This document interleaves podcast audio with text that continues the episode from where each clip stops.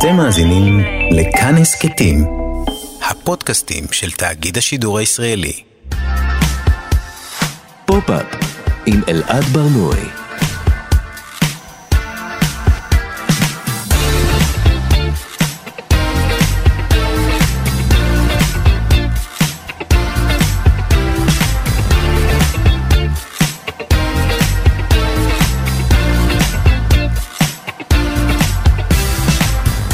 שלום, בוקר טוב, אני אלעד ברנוי ואתם על פופ-אפ. בכל שבוע אנחנו מדברים כאן על התרבות שמעניינת באמת. להיטי פופ טראשיים, תוכניות ריאליטי, סדרות בנטפליקס, טרנדים ויראליים, כל מה שאנחנו רוצים לדבר עליו, נדבר עליו. כל יום חמישי בשעה 10 עד 11 ברדיו כאן תרבות. ניתן להאזין לנו גם ביישומון של כאן וביישומוני המוזיקה וההסכתים השונים. את התוכנית מפיקה עירה וקסלר, על הביצוע הטכני גיא פלוויאן. בואו נתחיל.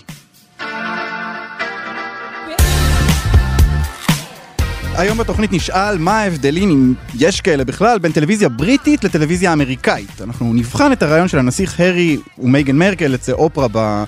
אה, ששודר השבוע בתור אירוע טלוויזיוני, וננסה לשאול לאיזה קהל הוא פנה. אמריקאי, בריטי, איך אנחנו יודעים את זה, אה, ובתוך זה אנחנו גם נדבר על טלוויזיה שמותאמת לקהל בריטי לעומת טלוויזיה שמותאמת לקהל אמריקאי. יש אצלנו איזו גישה כזאת שהסדרה הבריטית, הגרסה הבריטית היא תמיד טובה יותר, אבל אני לא יודע אם זה נכון, אנחנו נבחן את זה, וגם אנחנו נשאל האם בית המלוכה הם משפחת הקרדשיאן של אנגליה. בשבוע שעבר יצא סרט ההמשך ל-Coming to America, מגלה את אמריקה, סרט אה, עם אדי מרפי מ-88, אה, וזו הזדמנות מצוינת בשבילנו לדבר גם על סרטי המשך, סיקווילים גרועים. אנחנו נשאל למה הם כל כך הרבה פעמים גרועים, מה הופך אותם לכאלה, והאם בכלל יש סיכוי לסרט המשך מוצלח, ואפילו מוצלח יותר מהמקור. יהיו לנו גם את פינת ראש בראש, עם אורח חשוב, והגנום התרבותי בפינה נוצצת במיוחד, ומוזיקה מעולה והמון דברים ככל שנספיק, אבל קודם, הנה שלוש כותרות שלא מספיק מדברים עליהן מהשבוע האחרון. מדיניות החיסונים של ישראל הגיעה לסאוט פארק, פרק מיוחד של הסדרה הסאטירית ששודר אתמול, הוא עסק בחיסונים ובעיקר במתנגדי החיסונים ובתיאוריות הקונספירציה שלהם. גם ישראל מופיעה שם כשבאחד הרגעים אה, בפרק מטוס ישראלי מגיע לעיירה ומנחית עליהם חיסונים בחינם. It's Air Israel with enough vaccines for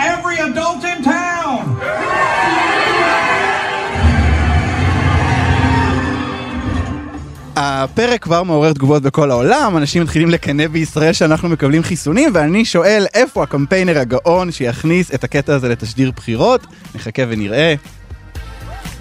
בודק ילו, סינגל הפריצה של קרדי בי, הוא יצא ב-2017, הגיע השבוע למעמד סינגל יהלום. מה שאומר שהוא מכר עשרה מיליון עותקים ברחבי העולם. עשרה מיליון עותקים. אה, קרדי בי, האישה הראפרית הראשונה בהיסטוריה ששיר שלה מקבל אה, יהלום, אפילו אה, לורן היל וניקי מנאז' לא הגיעו למעמד הזה. למעשה, עד היום 45 שירים בלבד הגיעו למעמד יהלום, ביניהם Candle in the Wind של אלטון ג'ון מ-97, Lose Yourself של אמינם מ-2002 וגם Shake It Off של טיילור סוויפט מ-2014. מזל טוב, קרדי, אני בטוח שאת מאזינה, אנחנו עוד נזכיר את השיר הזה בהמשך וגם נדבר על יהלומים אחרים. ואחרי הפוגה של כמה שבועות באנטומיה של גריי, היום ישודר בארצות הברית פרק ה crossover שלה עם תחנה 19. Uh, למרות הפרק המיוחד, עדיין לא ברור אם מדובר בעונה האחרונה של הסדרה. Uh, בריאיון שנתנה השבוע קריסטה ורנוף, המפיקה הראשית של הסדרה, היא אמרה שאף אחד לא יודע לענות לגבי העתיד, ושהקורונה הכניסה אותם למצב של אי ודאות מתמדת. אנטומיה של גריי, כמובן, סדרת uh, uh, בית החולים מבית היוצר של שונדה ריימס, היא עלתה ב-2005, uh, מאז היא הספיקה להחליף את רוב הקאסט המקורי, רבים מהם מתו בשורה ארוכה של אסונות משונים, אבל הגיבורה מרדית גריי, שמשחקת אותה אלן פומפאו, הצליחה לשרוד את כולם. Uh, בשנה שעברה המציאות הדביקה את הקצב עם הסדרה, בעונה 17 שעלתה בנובמבר האחרון, בית החולים הבדיוני שבסדרה התמודד עם מגפת הקורונה, ואחת הדמויות הרש... הראשיות, בלי ספוילרים, אפילו נדבקה בנגיף. אנחנו עדיין לא יודעים האם העונה הזאת זו העונה האחרונה, אנחנו אפילו לא יודעים מתי היא תסתיים. Um, ואני צריך להגיד, אני רואה הרבה תגובות ברשת, אה, אה, בשונה מסדרות אחרות שירדו בעקבות הקורונה, הביטול הפוטנציאלי של האנטומיה מעורר תגובות באמת קצת קשות, הרבה מתייחסים לזה שהסדרה הזאת כבר הייתה צריכה לרדת מזמן, שהיא הלכה לאיבוד לפני כמה עונות, יש אפילו שאומרים כבר לפני עשר עונות. יכול להיות שהם צודקים, אני, אני לא אשקר, אבל, אבל גם אם זה נכון, קצת עצוב לראות שהדמויות שבאמת עברו את האסונות האיומים ביותר לאורך העונות, אה, תאונות מטוס, רעידות אדמה, טבח המוני, דווקא את הקורונה לא הצליחו לשרוד.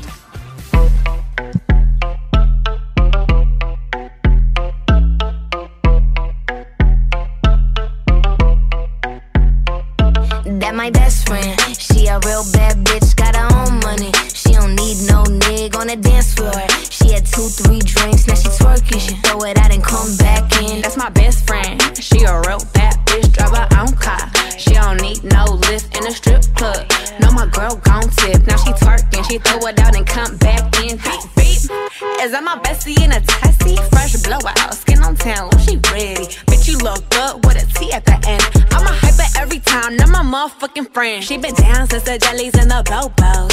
Now me stepping out the Jeep, got my nullos. When we pull up to the scene, they be filled with jealousy. If a bitch get finicky, she gon' bring the energy. I hit a phone with a T like, bitch, guess what? All the rich ass boys wanna fuck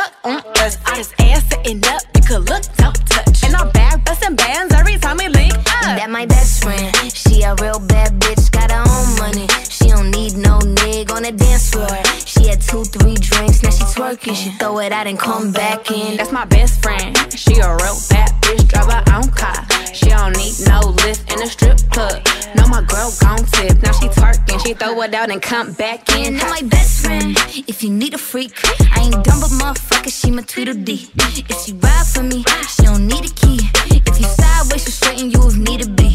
And she so bad that I just can't take that bitch nowhere. She off her fish, I said, mm-mm, don't go there. Bitch, break her back, she protect and attack. Get that strap, let them buckle, foot on neck, give no air. Whole world wanna be us. Then my main bitch, she my day one. On my way, bitch, let you get drunk and celebrate. Cause we the baddest in the club, that's my best friend. She a real bad bitch, got her own money. She don't need no nig on the dance floor. She had two, three drinks, now she. She throw it out and come back in. That's my best friend. She a real bad bitch, drive her own car. She don't need no lift in a strip club. No, my girl gon' tip. Now she twerking, she throw it out and come back in hot. Best fan, you the baddest and you know it. Uh oh, girl, I think our booty growing. Fuck it up in the mirror, hit them poses. Best friends, and you motherfucking glowing. Best friends, and your wrist is like it's frozen. Uh oh, girl, I think our booty growing. Fuck it up in the mirror, hit them poses. כאן תרבות, פופ-אפ, תודה שחזרתם אלינו. כולם דיברו השבוע על הרעיון של הנסיך הרי ומייגן מרקל אצל אופרה ווינפרי, אה, שבו הם אה, חשפו את הסיבות לעזיבה שלהם והעלו טענות מאוד קשות אה, נגד הארמון, לגבי היחס כלפיהם, לגבי גזענות כלפי מייגן וכלפי ארצ'י הבן שלהם. זה היה רעיון מאוד ארוך, שעתיים, מאוד דרמטי, מאוד הוליוודי, עם מוזיקה נוגה ומבטים עמומים מצד אופרה בעיקר. ואני תהיתי, אמ, כלפי מי הרעיון הזה שודר? למי הוא פנה? אה, לאמריקאים, לבריטים, למישהו אחר אולי? אה, וגם, בכלל, מה זה אומר? כלומר, איך אנחנו מגיעים לדבר כזה ושואלים, או מבינים, למי הוא פונה? מה הסוד? מה, איך נראית טלוויזיה שפונה לאמריקאים, איך נראית טלוויזיה שפונה לבריטים. אה, איתנו כדי לענות על כל השאלות האלה ועוד אחרות, העיתונאית ומבקרת התרבות אנה בורד, שגם גרה בממלכה. היי אנה. היי אלעד, בוקר טוב. בוקר טוב. אז אה, טוב, את אה, הצלחת באמת קצת מוקדם יותר מאצלנו שם בלונדון. אני רוצה לשאול אותך, אנה, למי את חושבת שהרעיון הזה פנה? אני חושבת שהוא פנה קודם כל לשעמום של כולנו אה, בקורונה. אה, ואני תוהה, אתה יודע, זה ניסוי שאף אחד לא יוכל לבצע כנראה, וטוב שכך. אבל אם הוא היה זוכה לאותו אה, רייטינג, 17 אה, מיליון צופים בארצות הברית, 12 מיליון צופים אה, באנגליה, וזה נתונים רשמיים, בלי עוד אנשים שראו באינטרנט, כן. והשלימו את, את הקטעים ביוטיוב, אני תוהה אם היינו יכולים, רובנו, לצאת לפאב בשעה הזאת, אם היינו צופים בו בכזאת, בכזאת אדיקות ובכזאת התלהבות, ואני חושבת שזה הדבר הראשון שמאוד מאוד עוזר לרעיון. כי כי אתה רואה מי שולט בנרטיב, ומייגן שולטת בנרטיב של הרעיון הזה, לחלוטין. יכול להיות גם שיש משהו ב... ב... מייגן, צריך להגיד, יש, היא, היא בעברה שחקנית, היא שיחקה אה, אה, בחליפות, אני חושב שזו ההופעה הכי מוכרת שלה. אה, יש, יש שם איזושהי אנרגיה, אנרגיה כזו כמו של אה, סדרה הוליוודית בשיחה, נכון? זה לא נראה בהכרח כמו שיחה עיתונאית, יש שם איזה משהו מאוד מופק, מאוד דרמטי. תראה, לפני כל ראיון, אה, מראיין בדרך כלל מגיע כשהוא אה, עושה איזשהו תחקיר, אבל כאן התגובות של אה, אופרה, כש... אה, ומילא מייגן, שאתה אומר, אוקיי, מייגן היא שחקנית, ונגיד, והיא שיננה את אה, מה שהיא הולכת להגיד, כי היא ידעה מה הולכות להיות השאלות, אופרה והיא כמובן התכוננו ביחד לראיון הזה. אבל התגובות של אופרה, שלפעמים נראות כל כך אה, אה, משוחקות אפילו, מין וואט כזה. כן, כשהיא אומרת לה, על, על, על הגזענות על, אה, על ארצ'י, אז היא אומרת, וואט? וזה ממש, כאילו זה הפך כבר למם די, די נפוץ, שזה באמת נראה הכי מזויף שאפשר. כן, עכשיו מה שאתה חושב עליו זה שבעצם אה, אופרה הייתה צריכה להתאמן גם על התגובה, מה שנקרא תיראי מופתעת. אה, זה, זה נכון, תראי, אני, אני באמת, אני, אני תוהה, כי ה, אני חושב שיש משהו, ב, אנחנו עוד הולכים לפרק את העניין הזה, אבל יש משהו ב, בטלוויזיה בריטית, שלפחות בעיניים שלי תמיד מרגיש קצת אה, אמיתי יותר, קצת אה, גס יותר, כאילו, פחות אה, מוכן, פחות מעובד, ופתאום שם, אה, הם נראו לי לחלוטין כמו זוג אמריקאי, אפילו הארי עם המבטא והכל, אני ממש הרגשתי שזה כמו כרטיס הכניסה שלו, במידה מסוימת, להוליווד, לנטפליקס, לעולם האמריקאי הזה של טלוויזיה כזו. כן, יש משהו מאוד מאוד אה, מעושה ומאוד... אה, הטלוויזיה הבריטית היא ברובה הרבה פחות שמרנית, היסטורית ועד היום. אה, אתה תראה הרבה יותר עירום בטלוויזיה הבריטית, למשל, אתה תשמע כן. הרבה יותר קללות בטלוויזיה הבריטית. ואתה יודע, גם אנחנו מדברים אה, נגיד על אה, אה, תוכניות ריאליטי למשל, יש תוכנית שלמה, Naked Attraction, די Mm. להיט פה ב- כן, בבריטניה. בצ'אנל 4, ה- ש- ש- שבעצם זו תוכנית היכרויות שהמתמודדים בהם ערומים. ערומים לחלוטין, זאת אומרת, תוך באמת חמש דקות כשאתה מתיישב על הספה, ומתחיל לצפות, אתה פשוט רואה אה, את כל האיברים אה, שהם, אני לא יודעת מה מידת השמרנות אה, בכאן תרבות, אה, אז אני אבחר מילים עדינות, אני, אני אנק- אנקוט בגישה האמריקאית, אבל יש משהו מאוד אפילו מלוקק, מאוד פוליטיקלי קורקט, אה, כל מיני משפטים שהארי אומר אה, אה, בריאיון, ומייגן, מין כזה, לכל אחד יש סיפור לספר, ו storytelling Mm. הוא אה, הסיפור של כולנו, כאילו זה משפטים כאלה שאתה כותב בפתיחה של קורות חיים שהם לא אומרים עליך שום דבר, ו... אה, אבל אמורים למכור אותך יפה יפה למשרה איומה אה, ב corporate. כן. אה, ו- וככה אז, אנחנו. מדברים על, אז, אנחנו אומרים בעצם יש משהו אה, אה, בסדרות אה, אמריקאיות שהוא כזה אה, כתוב יותר, עשוי יותר, נכון? מה עוד? מה עוד מאפיין סדרה בריטית לעומת, נגיד, אם אנחנו לוקחים סדרה שיש לה שתי גרסאות, גם בריטית וגם אמריקאית, איזה הבדלים אנחנו נראה בדרך כלל? אז יש, יש בעיניי שני דברים מרכזיים. קודם כל, אה, המראה של אנשים. הטלוויזיה הבריטית אה, סובלת הרבה יותר אה, אנשים מכוערים על המסך שלה. זה בסדר אם את לא הכי רזה, וזה בסדר אם השיניים שלך עקומות, אה, וזה בסדר אם יש 20 דמויות שהשיניים שלהן מאוד מאוד מאוד עקומות. אה, והמעבר הזה מטלוויזיה בריטית, שכאילו מראה לך אנשים אה, כשהם יותר אמיתיים, לעומת הטלוויזיה האמריקאית הוא נורא בולט בכל מיני גרסאות שעושים. אה, למשל, קח את הכי גאים שיש. Mm. אה, בגרסה הבריטית שלה, במקור, שהיא המקור, כן. ראסל, כן. אה, אז גם השחקנים היו אה, הרבה פחות אה, מלוקקים, וגם הסדרה הייתה מורכבת משתי עונות. עונה ראשונה עם שישה פרקים די קצרים, אני חושבת שחצי שעה כל פרק. כש-HBO קנו את הסדרה, הם הפכו אותה לסדרה אה, עם בערך 13 פרקים בעונה, כל פרק שעה. וכל הדמויות יפות באופן קיצוני עד, אה, עד לא נעים. אה, ו, וגם בעניין של עלילה, זאת אומרת, הרבה פעמים בטלוויזיה הבריטית, הבריטים באים ואומרים, זה הסיפור שאני רוצה לספר, יש לי שישה פרקים Mm. של חצי שעה וזהו, ויותר מזה לא תקבל, כי זה הסיפור שאני כיוצר רוצה להביא למסך. אה, כשזה עובר טרנספורמציה לארצות הברית, אז פתאום הפרקים מתנפחים, פתאום יש פוטנציאל אה, לעוד עונה ועוד עונה, וההסתכלות היא הרבה יותר אה, הסתכלות כלכלית. אה, הכי גאים שיש, זו דוגמה טובה גם בהקשר הזה, וגם כאן כשהבריטים התחננו שתהיה עונה שנייה, כי הם כל כך אהבו את העונה הראשונה, אז מתישהו ראסל טי דייוויס נענה ועשה עוד איזה שני פרקים ואמר יאללה בסדר תניחו לי. אבל הנאמנות הייתה קודם כל הסיפור שהוא רצה לשידור שאומרת יאללה, יש לנו פה הזדמנות לעשות מלא כסף. אני גם חושב אפילו על אה, אה, נגיד אה, הסדרה האמריקאית בנות של לינה דנם, לעומת פליבג, ישבו ביניהן הרבה. אז באמת בנות המשיכה והמשיכה, אה, עד כבר ש, שהיה נראה שלאנשים אפילו קצת נמאס ממנה, אה, ופליבג הייתה שתי עונות קצרות, וזהו, והיא היא אמרה, זה לא עולה יותר וזה נגמר. כלומר, זה ממש, ממש אה, מאפיין, אני חושב, אה, העניין הזה של מיני סדרה. אבל את, את יודעת, אנה, יש איזה עניין ב, ביחס שלנו, אני חושב בכלל לבריטים, לתרבות בריטית, שזה כאילו איכשהו נתפס עדיין כתרבות גבוהה יותר, איכותית יותר. אמ, כל דבר, אומרים שכל דבר שנאמר במבטא בריטי הוא יישמע חכם. אני לא יודע אם זה נכון, אבל אני חושב ש, ש, שזה משהו ש, ש, שדי, שדי אחוז ב, בתפיסה שלנו. אבל לצד זה אנחנו רואים, אה, נגיד בריאליטי, אנחנו רואים טראש ווולגריות שבחיים לא נראה אותה על המסך האמריקאי. אז לא באמת ננפץ את כל מה שאמרנו והרמנו עכשיו בטלוויזיה הבריטית, שהיא דבקה בסיפור ושהיא נותנת מקום לאנשים מכוערים, ויכול להיות שבעצם ההליכה הזאת היא משהו שהוא כביכול יותר אמיתי, אה, באמת מאפיינת את ה, גם את הריאליטי הבריטי, כי גם הוא הולך עד הסוף, אה, והריאליטי הבריטי הוא הכי טרשי שאפשר, הזכרנו לפני שנייה את Naked Attraction, אה, משיכה בעירום, תוכנית שידוכים לא תמימה במיוחד, אז...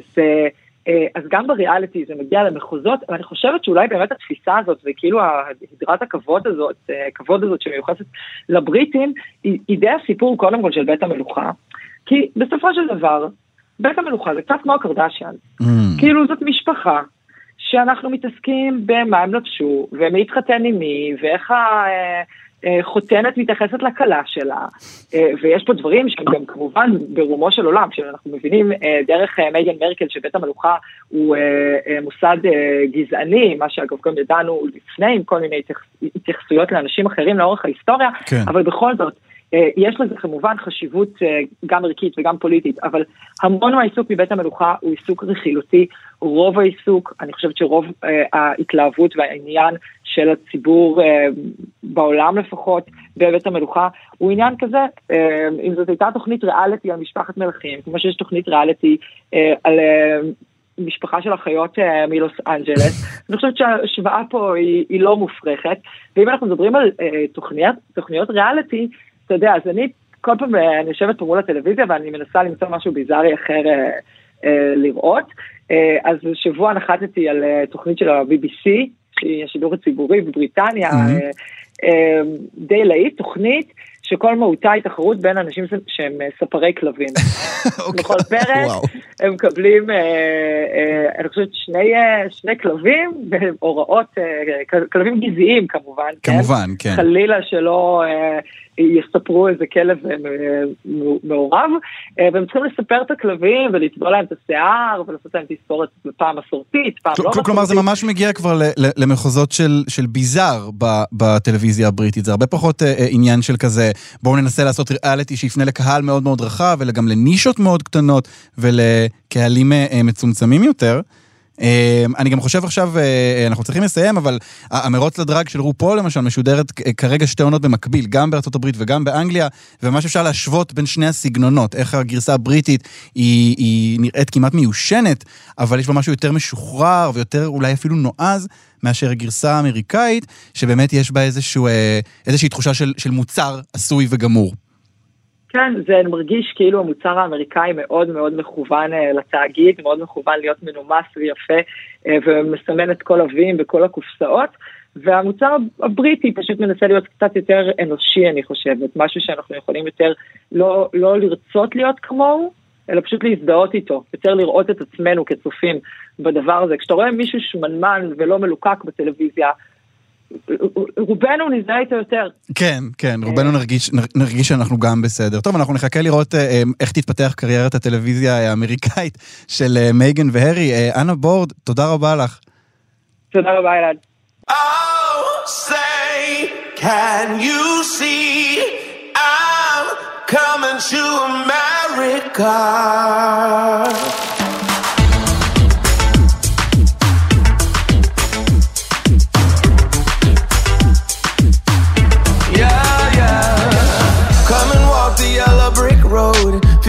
Rush of platinum and gold in America.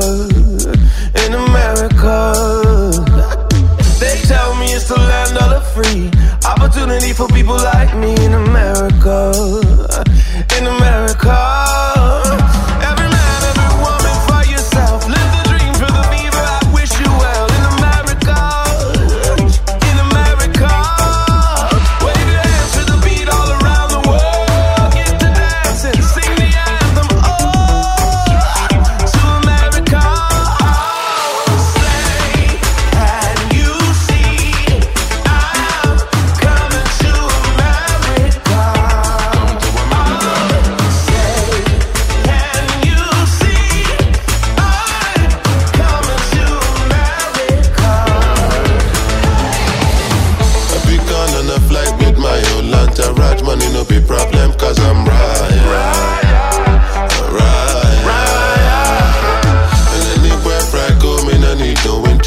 Direction, no permission, cause I'm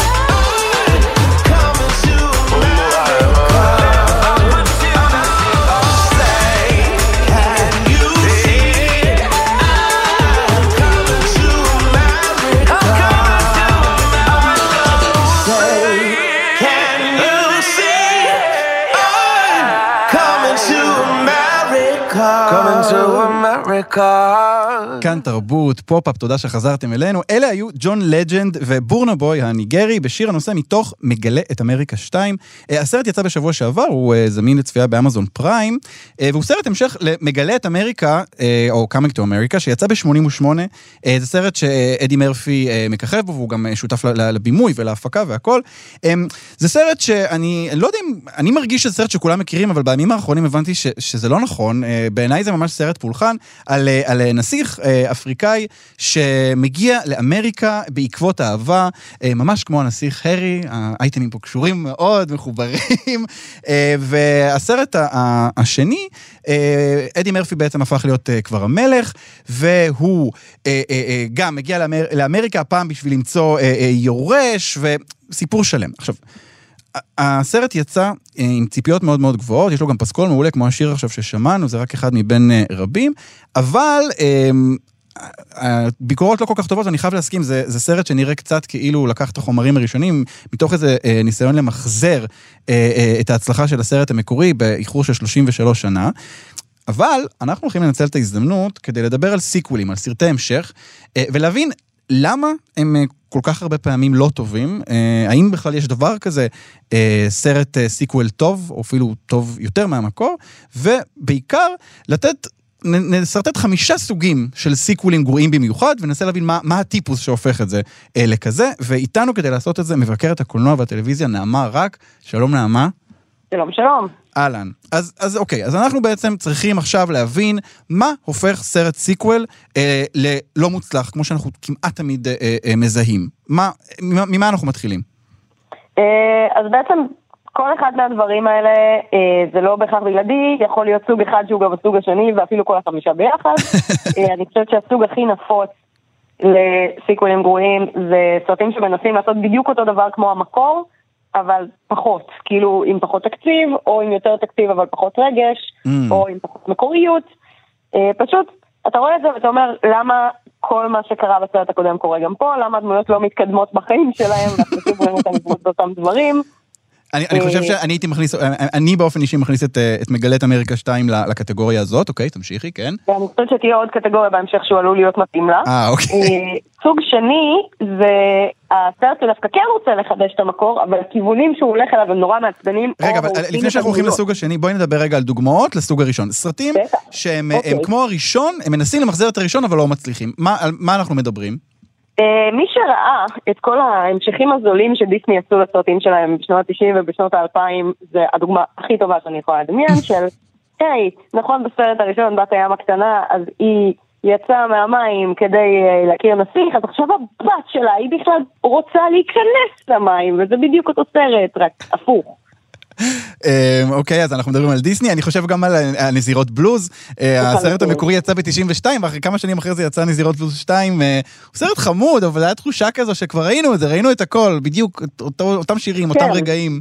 וגם, כאילו, הסרט הראשון נגמר בזה שהדמות של וופי הופכת להיות כאילו כוכבת בינלאומית, נכון. ורואים ערים שהיא מככבת, והם אז בסרט השני זה כזה, לא, אנחנו ממש חייבים שתבואי לעבוד איתנו בבית ספר של המגזר, כי אתה בן אדם השחור היחיד שאנחנו מכירים, ואז זה פשוט אותה עלילה שוב. אז אוקיי, אז, אז דיברנו על סרטים שהם כמו הראשון, מנסים למחזר אבל לא מצליחים. מה הסוג השני? הסוג השני זה דווקא סרטים שמנסים כן אה, לחדש ולקדם את העלילה קדימה, אבל פשוט הכיוון שאליו הם הולכים הוא כל כך גרוע, או הורס את הדמויות, שזה פשוט כאילו, לא רק שזה לא טוב, זה גם גורם לך להרגיש רע לגבי הסרט הקודם. אמ, אוקיי, אוקיי. איזה- איזה איזה דוגמאות יש לנו לזה? אז אה, דוגמה שאני, אני לא יודעת אם מישהו ראה את הסרט הזה חוץ ממני, אבל אה, לא מזמן יצא אה, Bridget Jones's Baby.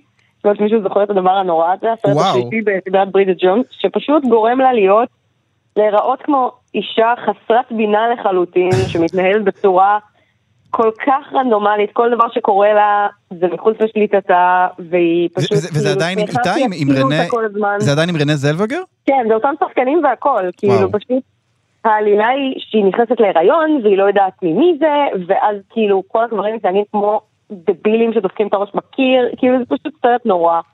אה, אני כתבתי לי גם את ההמשך של קינגסמן, אה, אני לא יודעת אם Mm. מישהו אוהב את הדבר הזה, אבל זה היה סרט כל כך גרוע שהוא ממש גורם לך לחשוב למה בכלל טרחתי לראות את זה, מה חיבבתי במקור. אה, אה, ורוב ההמשכים של אקסמן, לא נעים לומר. כן, נכון, כן, החיד- החידושים גם מה- מהגרסאות המאוחרות יותר. מה מה הסוג השלישי? הסוג השלישי, אה, שאני חשבתי שאולי יותר תרצה להכניס אליו את Coming to America 2, זה ההמשך המאוחר שמנסה להביא את חומר המקור להיום, אמ, אה, שיש אה, בשנים האחרונות לא מעט דוגמאות, ואפשר להתווכח מה מהדברים האלה זה ריבוט או רימייק או משהו או סרט המשך, אבל נגיד אני חשבתי על טיפשים בלי הפסקה 2, שהם פשוט אותם אנשים אבל עכשיו העולם מודרני. אה, אז הם מתמודדים עם מציאות אחרת. שונה לחלוטין, כאילו. כן, כן, זה מתאים גם ל- זה מתאים גם ל- למגלה את אמריקה 2, האמת. אה, יפה, יש לו יש לו כמה דרכים אה, להיות בסרט בעייתי. כן, מגוון. אז, אז, אז אוקיי, אז יש אה, סרטים שמנסים להביא באמת חומר אה, אה, אה, מקורי לי, לימינו, להיות, אה, להתמודד עם המודרנה. מה הסוג הרביעי? הסוג הרביעי זה סרט שבו אה, אחת מדמויות המשנה, דמות שכזה הייתה גונבת ההצגה בסרט המקורי, היא עכשיו הדמות הראשית, שזה או בגלל שהשחקן הראשי מהסרט המקורי לא נמצא וצריך כאילו לפצות, או בקטע של סגרנו כבר את הסיפור המרכזי בסדרה ואין יותר מה לעשות, אז עכשיו נמצא בת זוג או קריירה או משהו לבן אדם שכולם אוהבים, אבל מסתבר שמתישהו בתפקיד ראשי זה לא עובד כל כך טוב. אז מה, איזה דוגמאות יש לנו פה? הדוגמה הכי מושלמת של זה זה ג'ק ספארו. משודדי שעכשיו, הקריבים. כן, שהפך עכשיו לכוכב של כל סרטי שודדי הקריבים, שאף אחד מהם לא שווה צפייה.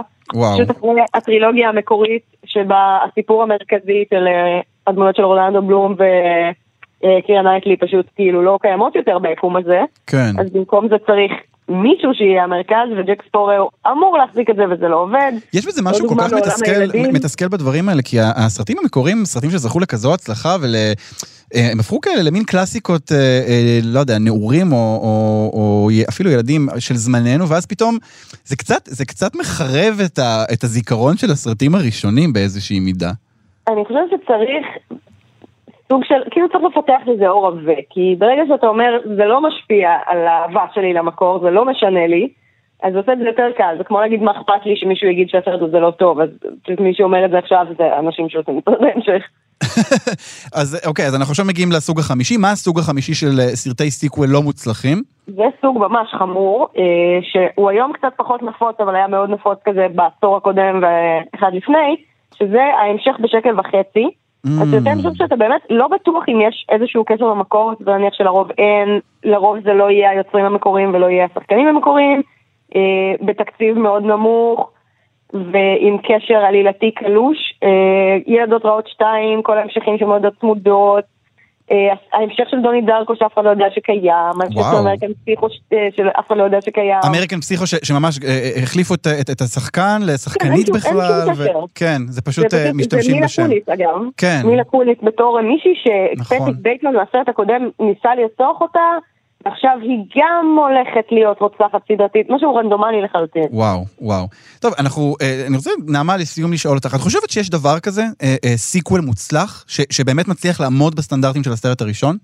ברור, יש אפילו סרטים שאני חושבת שהם יותר טובים מהסרט המקורי. אוקיי. כאילו, יש גם סרטי המשך שידועים בזה שהם סרטי המשך טובים. אם אנחנו כאילו נתמקד בסוג של הדברים שדיברנו עליהם, אני חושבת שנגיד מד מקס החדש, מדמקס פיורי רוד, אני לא זוכרת איך קראו לזה בעברית עכשיו, הוא כאילו דוגמה ממש טובה לאיך לקחת משהו ישן ולהביא אותו לעכשיו בצורה שכן מצליחה לתרגם אותו למשהו יותר מודרני ולנצל כאילו את היתרונות של אה, קולנוע דיגיטלי שאז לא היה, כאילו לא היו אפשריים, אה, אבל גם נגיד אה, הנושא השמיני, כל ההמשכים שלו טובים, או לפחות Mm. חלקם.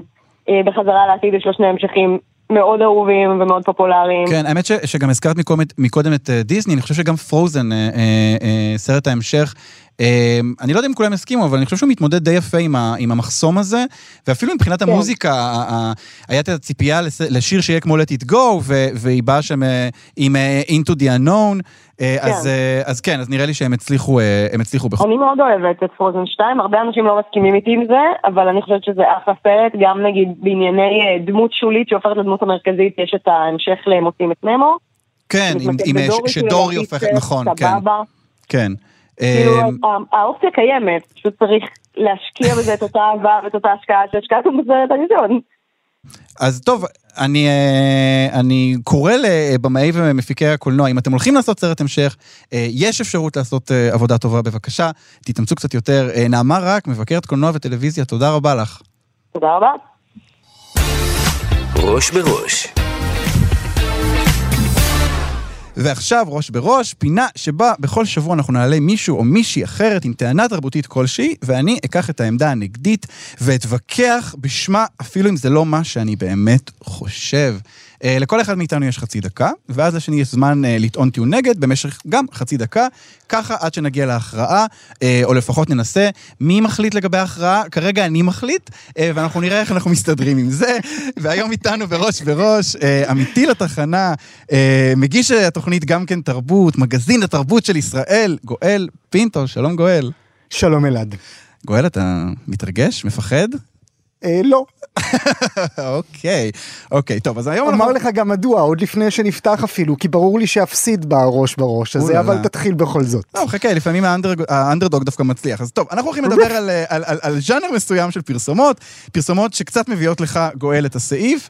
אה, במיוחד הפרסומת של נועה קירל ל-yes, אנחנו, בואי רגע נשמע טעימה מהפרסומות האלה.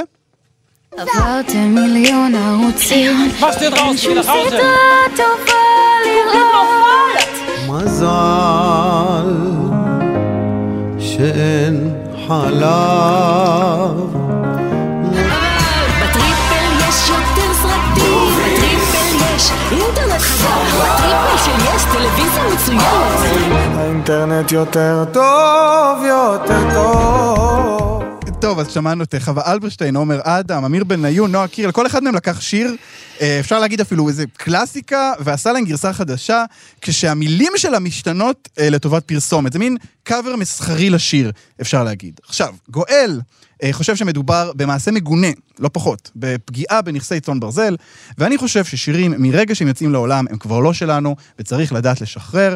אה, אז בואו נתחיל, גואל. אני מזכיר, לכל אחד יש חצי דקה, בדיוק ברגע שמצלצל הפעמון, התור עובר לשני, והוא מיד צריך להמשיך, אה, ואתה מתחיל. מוכן? מוכן. יאללה. נתחיל בכך שברגע שהשמעת את הלקט הזה של הכמה כמה פרסומות יחד, כבר בא לי להקיא. צריך להסביר אה, במיוחד בכל הקשור לשוטר אזולאי, שבגללו אנחנו עכשיו התכנסנו בפינה הזו. כל מה שאני אומר הוא רגשי לגמרי, אין שום דבר שכלתני, אין שום דבר שקשור לכסף, רק רגש לגמרי. אנשים צריכים להבין שהשוטר אזולאי בשביל בני הדור שלי, בוודאי אלה הגדולים ממני, אני נולדתי בשנה שהסרט הזה אה, יצא לאוויר.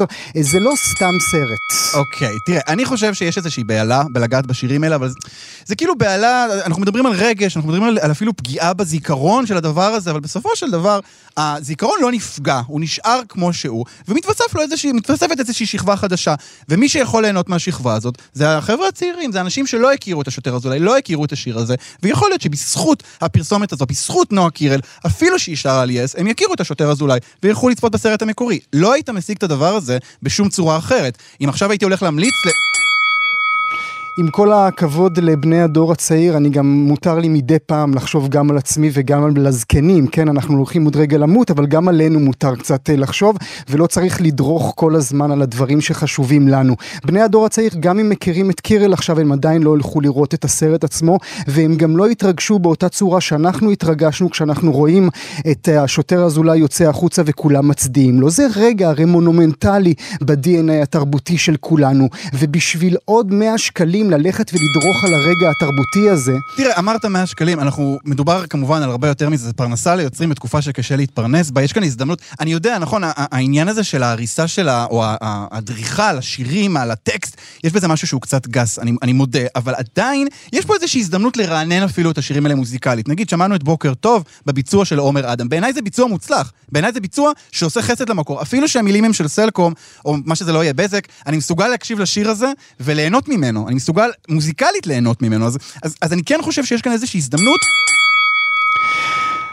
אם נועה קירל הייתה עושה ביצוע מחודש לשיר המונומנטלי הזה, היינו מנהלים שיחה אחרת לגמרי.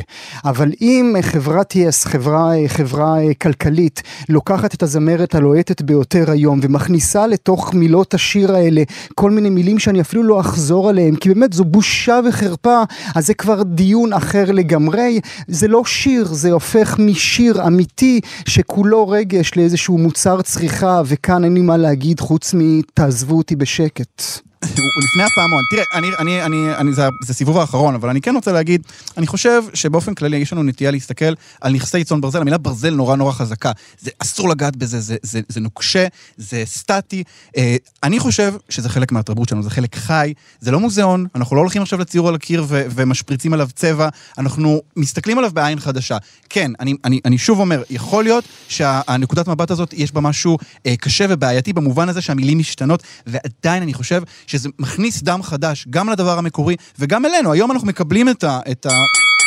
אוקיי, טוב, טוב, טוב. אני רק אומר הז- ככה לסיום, אני לא מדמיין, אני חושב שאנחנו כאומה ואנחנו כעם, אנחנו לא מתייחסים מספיק אה, בחשיבות לתרבות שלנו. אני לא מדמיין את הצרפתים מוכרים איזשהו קומקום דרך אה, ne regrette rien, ואני לא מדמיין אותם בוח, אה, מוכרים מחשב דרך pas. אלה דברים שפשוט לא עושים. טוב, גואל, אתה עכשיו רימית שחרגת מהזה, אבל אני נותן לך כי, אה, כי אני אוהב אותך, גואל. אה, אני צריך להגיד שלמרות מה שאמרת, אה, שאתה הולך להפסיד, אני למעשה חושב שאתה ניצחת, אה, כי... הטענות שלך היו יותר טובות, אין לי מה לומר. כלומר, אני, אני מסכים, אם, אם לא היו משנים את המילים, היה, לי, היה לנו ויכוח אחר לגמרי, ואני הייתי עד, בחירוף נפש מגן על העמדה שלי, אבל כן, ברגע שהמילים משתנות, אני מודה ש, שיש יש לנו כאן איזושהי בעיה, אני, אני מסכים, גואל, אתה צודק. אז המנצח שלנו הוא גואל פינטו. אה, תודה רבה לך, גואל. להתראות השוטר אזולאי. הגנום התרבותי. אם האזנתם לרדיו בשבוע האחרון, בטח שמעתם את צד אחד נוצץ, צד אחד שקוף. יהלומים או בלינג בלינג, השיר החדש של נועה קירל, הוא למעשה פרסומת לרשת חנויות תכשיטים. קירל ממשיכה שורה ארוכה של נשים ששרות על החיבה שלהן ליהלומים. הראשונה שעולה לראש היא כמובן מרלין מונרו. A kiss on the hand may be quite continental, but diamonds are a girl's best friend. ב-Diamonds are a girl's best friend, מתוך הסרט גברים מעדיפים בלונדיניות מ-1953, מונרו שרה על כך שמחוות רומנטיות לא ישלמו את השכירות, ויהלומים הם חבריה הטובים ביותר של כל אישה. Diamonds are forever. גם שירלי בסי התפייטה על כך שיהלומים, בשונה מגברים, לא יעזבו אותה או יפגעו בה ב-Diamonds are Forever, שיר הנושא מתוך הסרט יהלומים לנצח מ-1971, השביעי בסדרת סרטי ג'יימס בונד. אבל יותר מהיהלומים, מעניין השימוש של קירל במילים בלינג בלינג בשם השיר, וגם בתור שורה שחוזרת. יהלומים,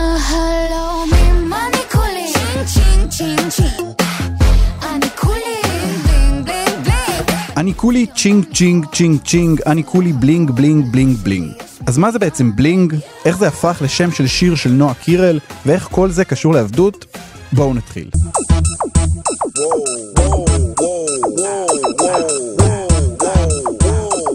את המונח בלינג או בלינג בלינג, רבים מאיתנו מכירים משימוש יומיומי כשמתארים סוג מסוים של תכשיטים. בדרך כלל שרשראות זהב כבדות או טבעות יהלומים גדולות, כשהכוונה היא בדרך כלל לתכשיטים נוצצים וראוותניים. המילה בלינג מחקה את צלצול התכשיטים המתכתיים, מה שהופך אותה לאונומטופיה. כלומר, מילה שהצליל שלה מזכיר את הדבר שהיא מסמנת, כמו למשל זמזום. לא לגמרי ברור מי הראשון שטבע את המילה.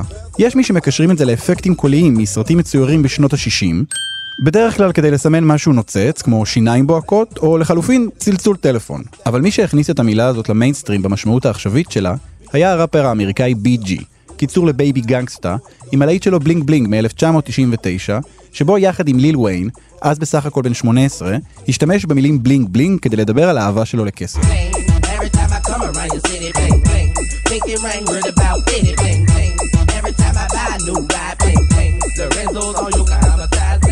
בתחילת שנות האלפיים המונח נכנס לשימוש רחב והחל להופיע בפרסומות בטלוויזיה.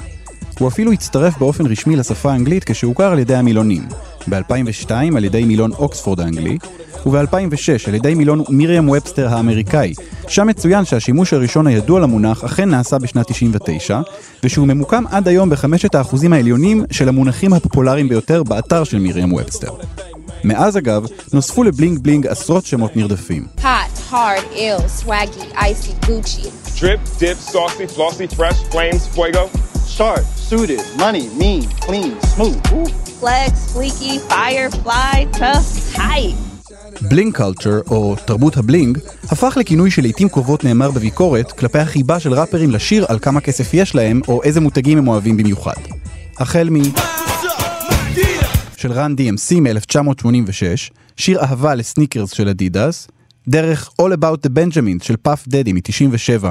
בנג'מין זה בנג'מין פרנקלין כמובן, ההוא מהשטר של 100 דולר, Who drive millenniums? It's all about the Benjamins. What? I get a 50 pound bag of oomph for the mutts. וממשיך עד היום עם כמעט כל שיר של קרדי בי. למשל.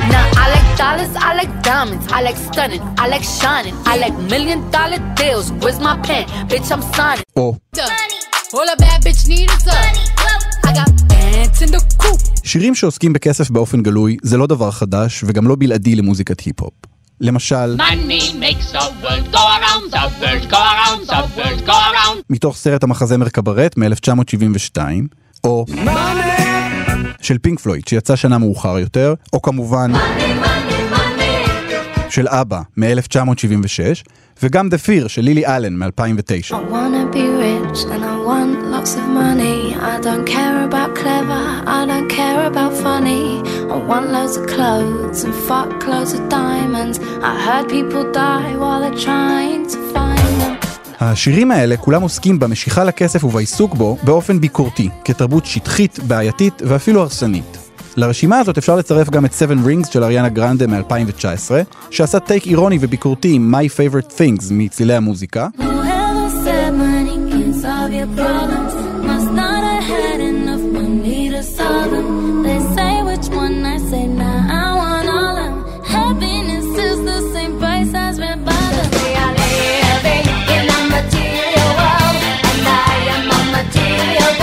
ואפילו Material Girl של מדונה מ-1984, שהקליפ שלו הוא מחווה ליהלומים של מרלין מונרו, אם כי לא כולם יסכימו שמדובר בטקסט ביקורתי במיוחד.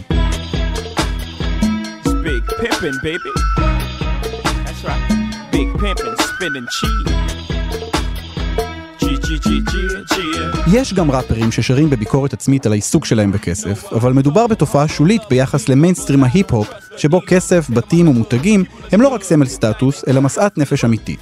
כלומר, גוצ'י, פראדה, בלנסיאגה, תיקי בירקין הם נושאים לגיטימיים לשירים ממש כמו אהבה או שברון לב. או במילים אחרות, אם ג'ניס ג'ופלין שרה ב-1970 בביקורת על החלום האמריקאי שמבטיח לה שאם תקנה מרצדס וטלוויזיה צבעונית היא תהיה מאושרת, Oh Lord, won't you buy me a Mercedes Benz? קרדי בי שרה היום בלי להתנצל על המשיכה שלה לנעלי קריסטיאן לובוטון. These expensive, these is red bottoms, these is bloody shoes. באופן טבעי, העיסוק של ראפרים בדברים חומרים כמו כסף, מעורר כלפיהם ביקורת לעיתים קרובות. למה ז'אנר מוזיקלי שהוא פוליטי במהות שלו, שעוסק בגזענות, באפליה, באלימות משטרתית, מתעסק בדבר שטחי כמו כסף? כשביונסה שחררה ב-2016 את השיר פורמיישן, היא חטפה קיתונות של ביקורת על השורה הבאה.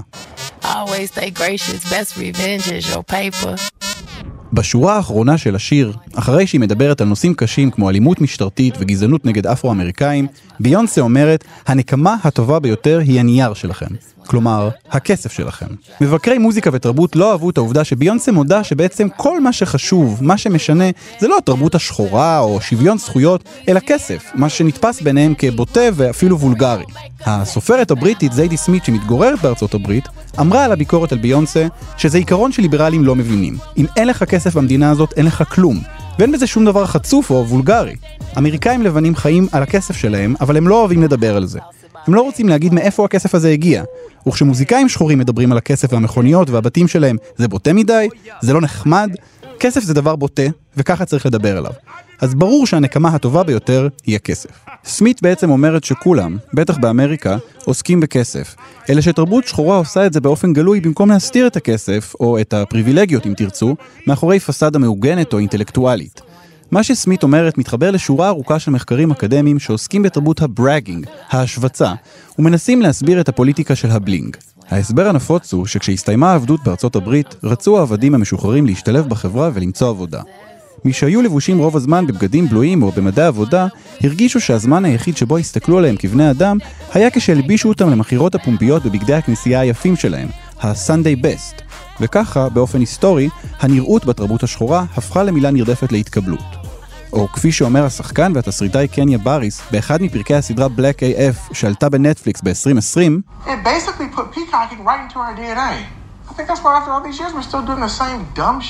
את שלשלות הברזל שקשרו את העבדים במטעים ובשדות מחליפות היום שרשראות זהב. כלומר, בעיניהם של קניה בריס, של זיידי סמית, של ביונסה, ושל עוד שורה ארוכה של יוצרים, אין דבר פוליטי יותר מתרבות הבלינג.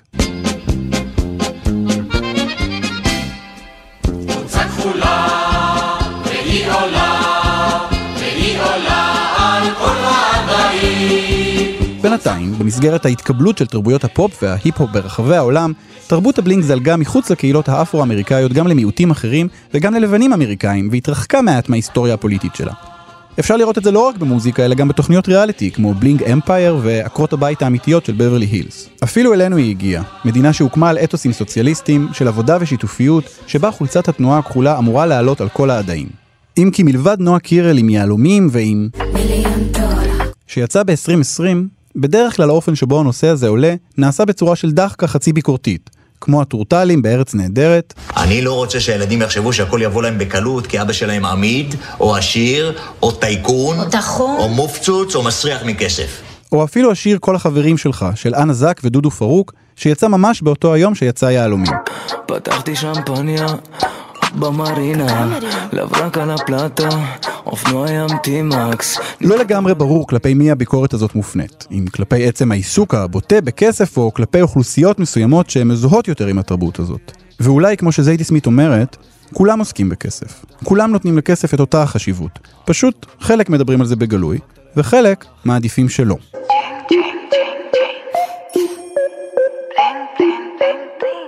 צד אחד נוצץ, צד אחד שקוף.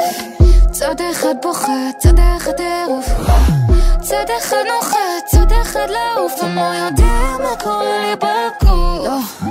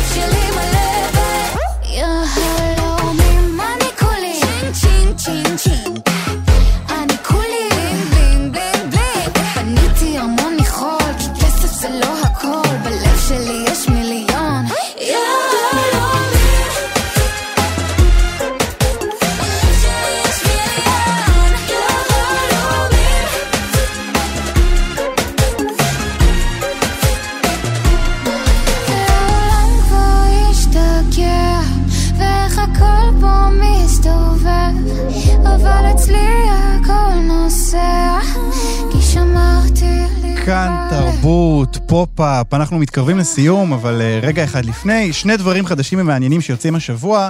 היום תעלה ב-HBO Max סדרת הטלוויזיה המדוברת שהפיקה לינה דנהאם, הזכרנו אותה מקודם. אה, לסדרה קוראים Generation, והיא תעסוק אה, בחיים ובמיניות של בני דור ה-Z, וגם Waffles and Mochi. כן, זה השם שלה, תוכנית הבישול לילדים של מישל אובמה תעלה ביום שלישי הקרוב בנטפליקס, זו סנונית נוספת במסגרת החוזה של בני הזוג אובמה עם נטפליקס. וזהו, עד כאן, פופ-אפ, מגזין הפופ השבועי של כאן תרבות. תודה לאירה וקסלר על ההפקה, תודה לגיא פלוויאן על הביצוע הטכני. אני אלעד ברנוי. נסיים עם מריה קרי, קלאסיקה שחוגגת 30, Emotions, להתראות.